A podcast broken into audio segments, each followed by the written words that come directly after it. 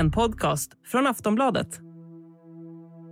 Hur ska det gå för våra favoritserier det kommande året? Manusförfattarna i Hollywood strejkar igen.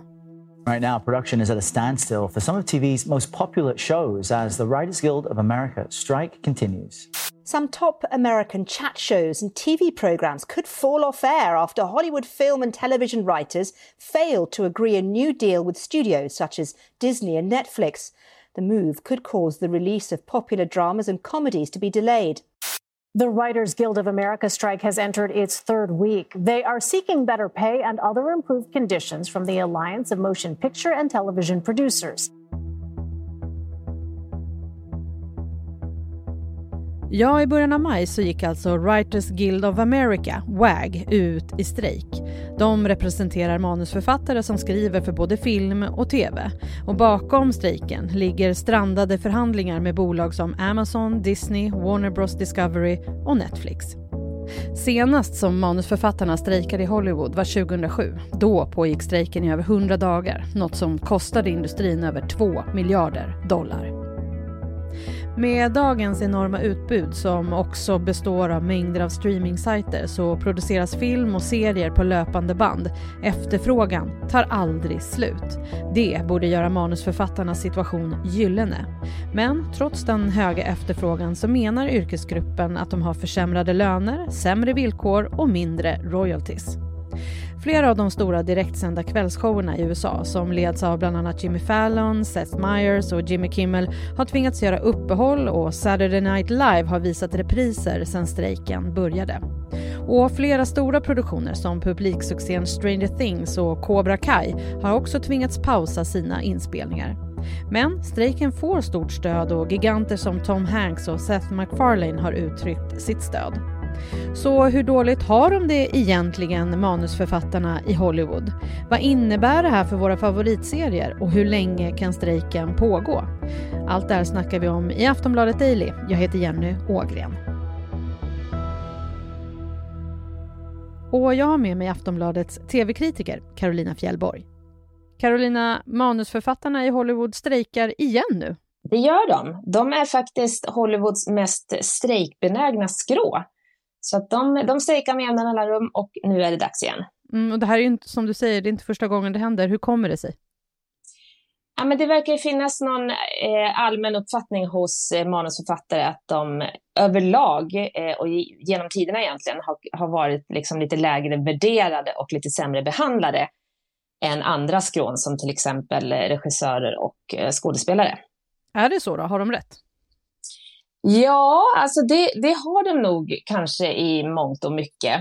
Eh, och eh, nu till exempel, eh, nu handlar ju väldigt mycket om konsekvensen av streamingboomen.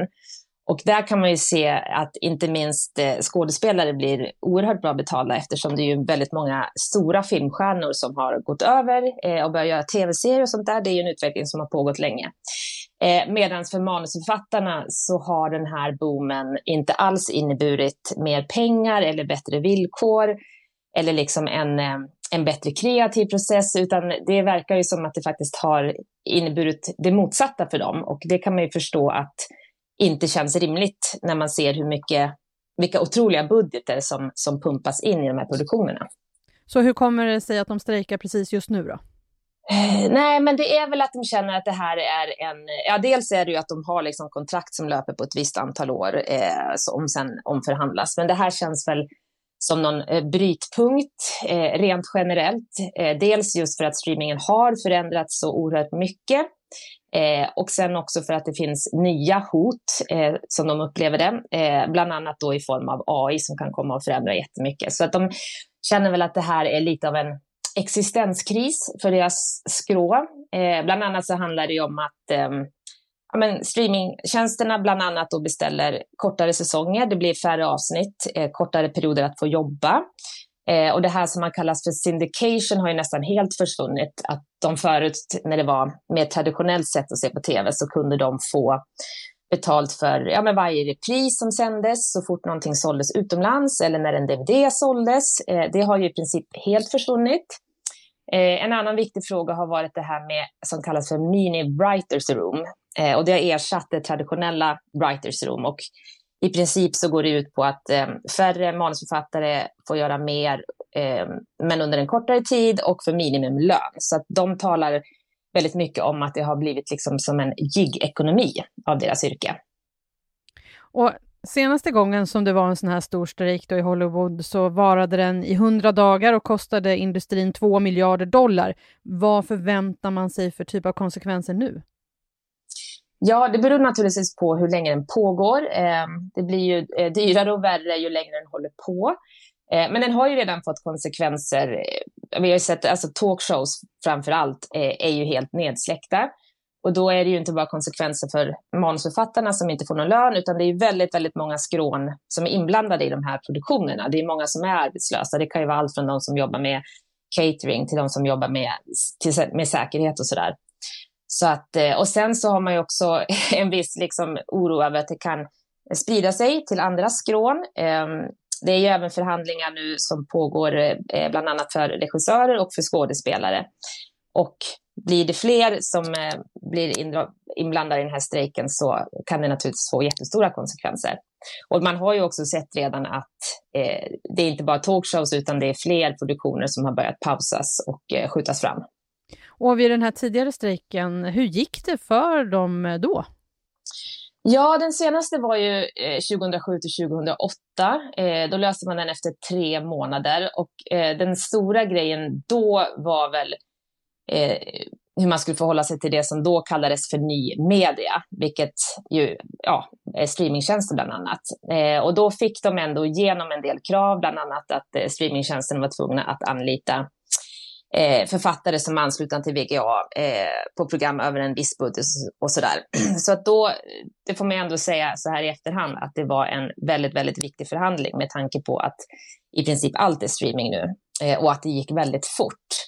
Så det var ju bra. Men sen kan man ju se andra konsekvenser av den här strejken som bland annat var att det blev en otrolig realityboom därför att kanalerna var tvungna att fylla eh, tablåerna med någonting annat. Bland annat så var det ju då familjen Kardashian dök upp. Eh, det var också då som eh, The Apprentice fick spinoffen Celebrity Apprentice, eh, ledd av Donald Trump. Så att det fick ju liksom ja, men, kulturella och rent politiska konsekvenser som man kanske inte såg komma. Vi ska snart prata mer med Carolina och då ska vi snacka om stödet som manusförfattarna får ifrån Hollywoodstjärnorna. Vi är snart tillbaka.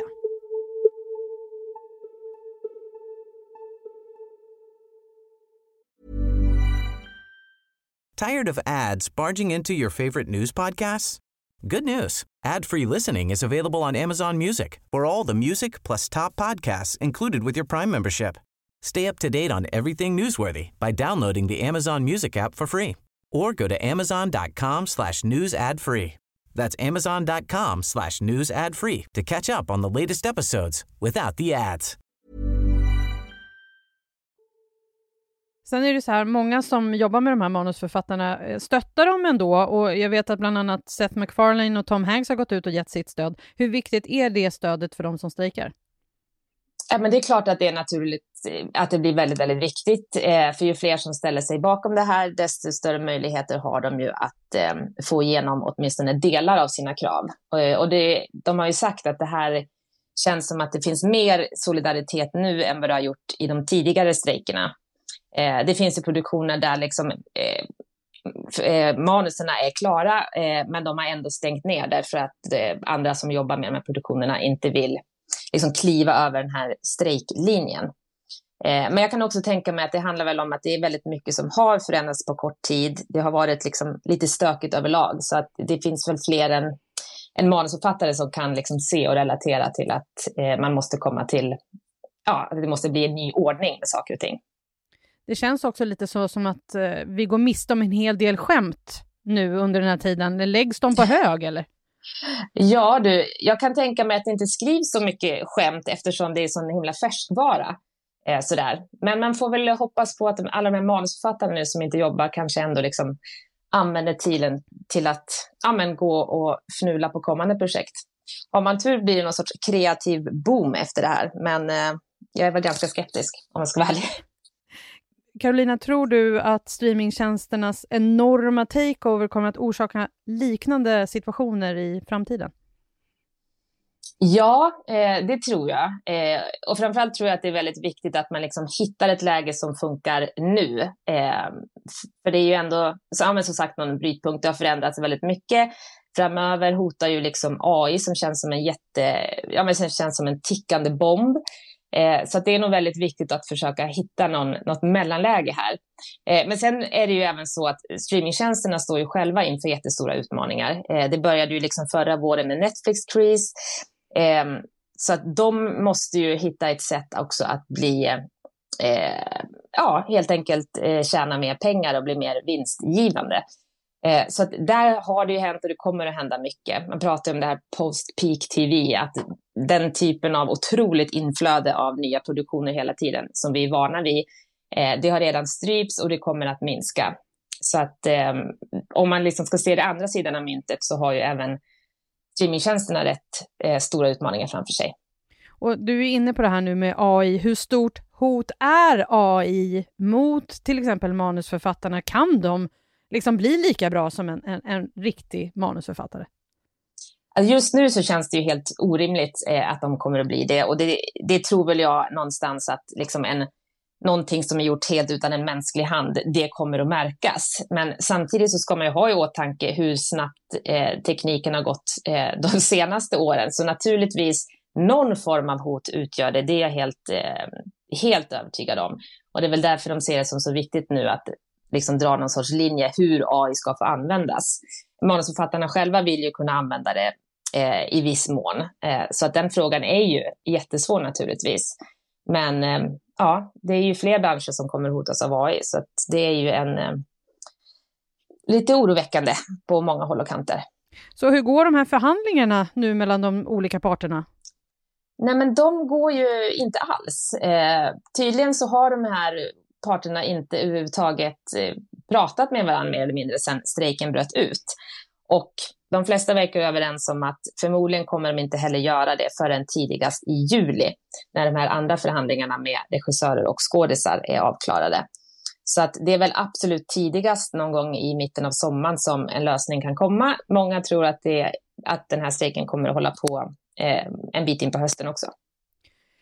Det som man undrar också, Carolina, är ju vad innebär det här nu för mina favoritserier? Ja, alltså jag tror ju så här att till en början så kommer man inte märka så vansinnigt mycket. Eh, för även om serier traditionellt sett har släpptes ju enligt lite fyrkantigare schema. Med streamingtjänsterna så har det blivit att ja, men en ny säsong kan dyka upp med lite ojämna mellanrum och sådär. Eh, streamingtjänsterna har också väldigt stora bibliotek. De kan köpa in nytt material från andra eh, och de kan också jobba med manusförfattare utomlands och, eh, och göra internationellt innehåll eh, från författare som inte är fackligt anslutna till VGA.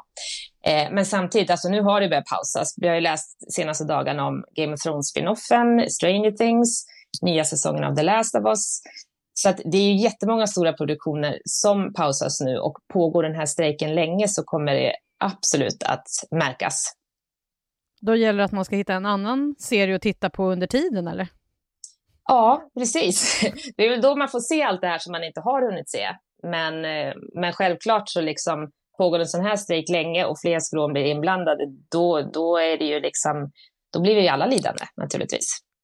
Men tror du ändå inte då att parterna, man vill kanske inte att det ska hålla på så himla länge, tror du inte att man vill att det kommer till någon lösning ganska snart? Eh, alltså det är ju i allas intresse att lösa det naturligtvis. Eh, manusförfattarna de tar ju också en risk eh, att de på något sätt, liksom, streamingtjänstcheferna eh, kan säkert hitta kreativa sätt att, att eh, få material i alla fall. Eh, och dessutom så pratar man ju liksom om risken att Hollywood överhuvudtaget kan lida därför att eh, sociala medierappar som TikTok och YouTube och sånt här som framförallt unga redan använder väldigt mycket eh, kan komma att, att tjäna på det här. Eh, men sen är det väl också så att ja, det är en ganska, eller det är väldigt låst just nu och det finns också ja, men Amazon, och Apple och Netflix och de här, de är, har inte samma fackliga tradition som de traditionella nätverken. Så att det är liksom nya förhandlare vid bordet som säkert gör att det förmodligen kommer dra ut på tiden mer än någon önskar. Sist här Carolina Fjällborg, tv-kritiker här på Aftonbladet. Jag heter Jenny Ågren och du har lyssnat på Aftonbladet Daily. Vi kommer ut med nya avsnitt på vardagar så du får väldigt gärna följa oss i Aftonbladets app eller där du lyssnar på poddar så missar du inga avsnitt. Vi hörs snart igen. Hej då!